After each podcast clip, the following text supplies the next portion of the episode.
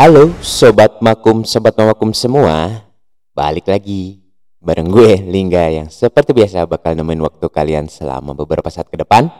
Cuma di Salam Makum, Salam Mahasiswa Hukum Indonesia.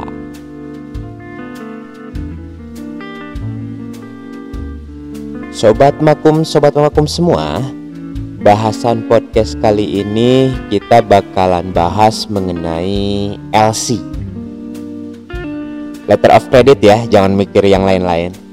Nah, letter of credit yang akan gue bahas itu mengacu pada bukunya eh, Pak Ramlan Ginting yang judulnya Letter of Credit Tinjauan Aspek Hukum dan Bisnis.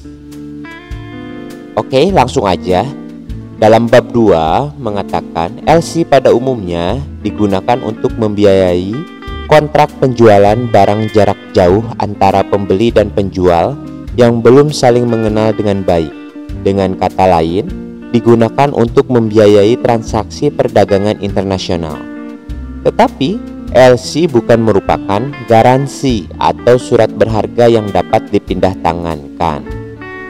Sunaryati Hartono mengatakan, secara harfiah LC dapat diterjemahkan sebagai surat hutang atau surat piutang atau surat tagihan, tetapi sebenarnya LC lebih merupakan suatu janji akan dilakukannya pembayaran apabila dan setelah terpenuhi syarat-syarat tertentu. Sementara UCP mengatakan bahwa LC adalah janji dari bank penerbit untuk melakukan pembayaran atau memberi kuasa kepada bank lain untuk melakukan pembayaran kepada penerima atas penyerahan dokumen-dokumen Misalnya, konosemen, faktur, sertifikat asuransi yang sesuai dengan persyaratan LC. Nah, UCP itu sendiri adalah suatu ketentuan internasional yang mengatur mengenai letter of credit sobat makum dan makum semua. UCP itu berkepanjangan dari Uniform Customs and Practice for Documentary Credit. Jadi, inti dari pengertian LC menurut UCP ialah bahwa LC merupakan janji pembayaran Bank penerbit melakukan pembayaran kepada penerima-penerima baik langsung ataupun melalui bank lain adalah atas instruksi pemohon yang berjanji membayar kembali kepada bank penerbit. Dalam transaksi LC, terdapat hubungan-hubungan hukum yang utama sebagai berikut. Yang pertama, hubungan hukum antara pembeli, pemohon, dan penjual atau penerima berdasarkan kontrak penjualan. Yang kedua, Hubungan hukum antara pemohon dan bank penerbit berdasarkan permintaan penerbitan LC sebagai kontrak. Yang ketiga, hubungan hukum antara bank penerbit dan penerima berdasarkan LC sebagai kontrak. Dan yang keempat, hubungan hukum antara bank penerbit dan bank penerus berdasarkan kontrak keagenan. Dan yang terakhir, hubungan hukum antara bank penerus dan penerima berdasarkan kontrak pembayaran LC. Masing-masing hubungan hukum tersebut terpisah satu sama lain karena selain para pihaknya berbeda, juga kontrak yang mengatur hak dan kewajiban para pihak tersebut berbeda. Oke, lalu dasar hukum LC yaitu mengacu pada peraturan pemerintah nomor 1 tahun 1982 merupakan dasar hukum LC di Indonesia. Ketentuan pelaksanaan peraturan pemerintah nomor 1 tahun 1982 yang secara rinci mengatur LC belum ada sesuai dengan kenyataan bahwa dalam praktik perbankan Indonesia telah digunakan UCP sebagai ketentuan LC sejak tahun 1970-an. Maka Bank Indonesia mendukung keberadaan praktik tersebut. Bank Indonesia mendukung UCP dijadikan sebagai ketentuan LC. Bank Indonesia melihat bahwa rasa aman tercipta jika LC tunduk pada UCP.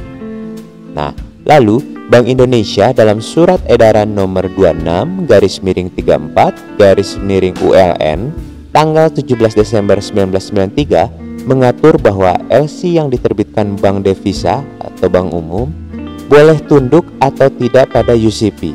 Bank Indonesia secara yuridis formal memberikan kebebasan kepada bank devisa di Indonesia untuk menentukan sikap. Isi surat edaran Bank Indonesia tersebut dilatar belakangi status UCP yang bukan sebagai produk hukum yang memiliki kekuatan hukum mengikat. Jika Bank Indonesia dalam surat edaran dimaksud secara eksplisit mengharuskan LC yang diterbitkan Bank Umum tunduk pada UCP, Ini berarti Bank Indonesia menjadikan UCP bagian dari hukum nasional dan mempunyai kekuatan hukum mengikat.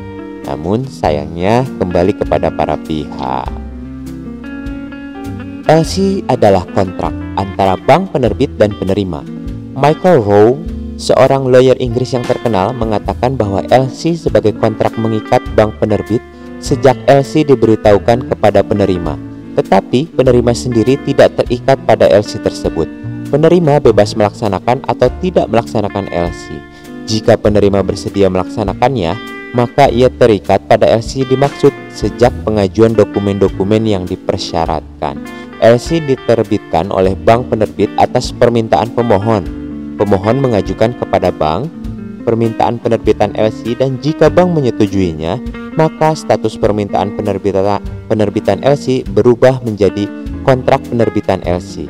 Atas dasar kontrak penerbitan LC, maka LC pun diterbitkan oleh bank penerbit. Permintaan penerbitan LC terdiri dari dua dokumen, yaitu format formulir permintaan penerbitan LC dan perjanjian jaminan kerugian atau security agreement. Format permintaan penerbitan LC yang dinamakan juga form of application atau documentary credit application atau instruction to issue letter of credit pada umumnya adalah baku atau standar secara internasional. Format ini meliputi hal-hal yang pada dasarnya terdiri dari A. Nama dan alamat lengkap penerima B. Jumlah dan mata uang LC C. Tipe LC D. Cara pembayaran LC E. Pihak tertarik wesel dan jangka waktu wesel F. Uraian barang termasuk rincian jumlah dan harga per unit G rincian dokumen-dokumen yang dipersyaratkan, H. tempat pengiriman barang, tempat muat barang, dan tempat tujuan barang, I. cara pembayaran biaya angkut barang, J. alih kapal diperkenankan atau tidak, K. pengiriman sebagian-sebagian diperkenankan atau tidak, L. tanggal pengiriman terakhir, M. batas waktu pengajuan dokumen untuk pembayaran, akseptasi, negosiasi, dan pembayaran kemudian, N tanggal dan tempat jatuh tempo LC, O. LC dapat dialihkan atau tidak, dan P. Cara penerusan LC. Hal-hal yang dimuat dalam permintaan penerbitan LC ini adalah juga hal-hal yang dimuat dalam LC. Karena LC merupakan cerminan dari permintaan penerbitan LC. Dengan demikian, materi permintaan penerbitan LC pada dasarnya sama dengan materi LC. Penggunaan format baku sebagaimana dikemukakan tadi dilatar belakangi oleh rekomendasi penggunaan format baku oleh ICC baik terhadap permintaan penerbitan LC maupun terhadap LC sendiri. ICC menerbitkan standar documentary credit forms dan perubahan materi muatannya disesuaikan dengan perubahan yang terjadi terhadap ketentuan-ketentuan UCP. Dan bagi UCP atau standar documentary credit formnya ialah the new standard documentary credit forms for kalau sekarang eh, terakhir UCP 600 ya sobat makum dan makum semua. Karena LC adalah kontrak, maka dapat juga dikatakan bahwa LC merupakan kontrak baku atau kontrak standar. Pendapat ini sejalan dengan pendapat Sultan Remi Syahdeni yang mengatakan bahwa LC merupakan perjanjian baku atau perjanjian standar berkenaan dengan kontrak baku ini. Oke, sobat makum dan sobat makum semua, itu tadi bahasan mengenai letter of credit yang secara dasar ya. Karena gue sendiri sih masih belajar dan mudah-mudahan bisa eh, nambah pengetahuan gue dalam lingkup keperdataan, khususnya mengenai LC. Oke, itu dia bahasan podcast edisi kali ini. Sampai jumpa di edisi podcast berikutnya. Gua Lingga pamit. Tetap dengerin terus podcast ini ya. Uh, Oke okay, gitu aja. Sampai jumpa di edisi podcast berikutnya. Cuma di Salamakum, salam mahasiswa hukum Indonesia.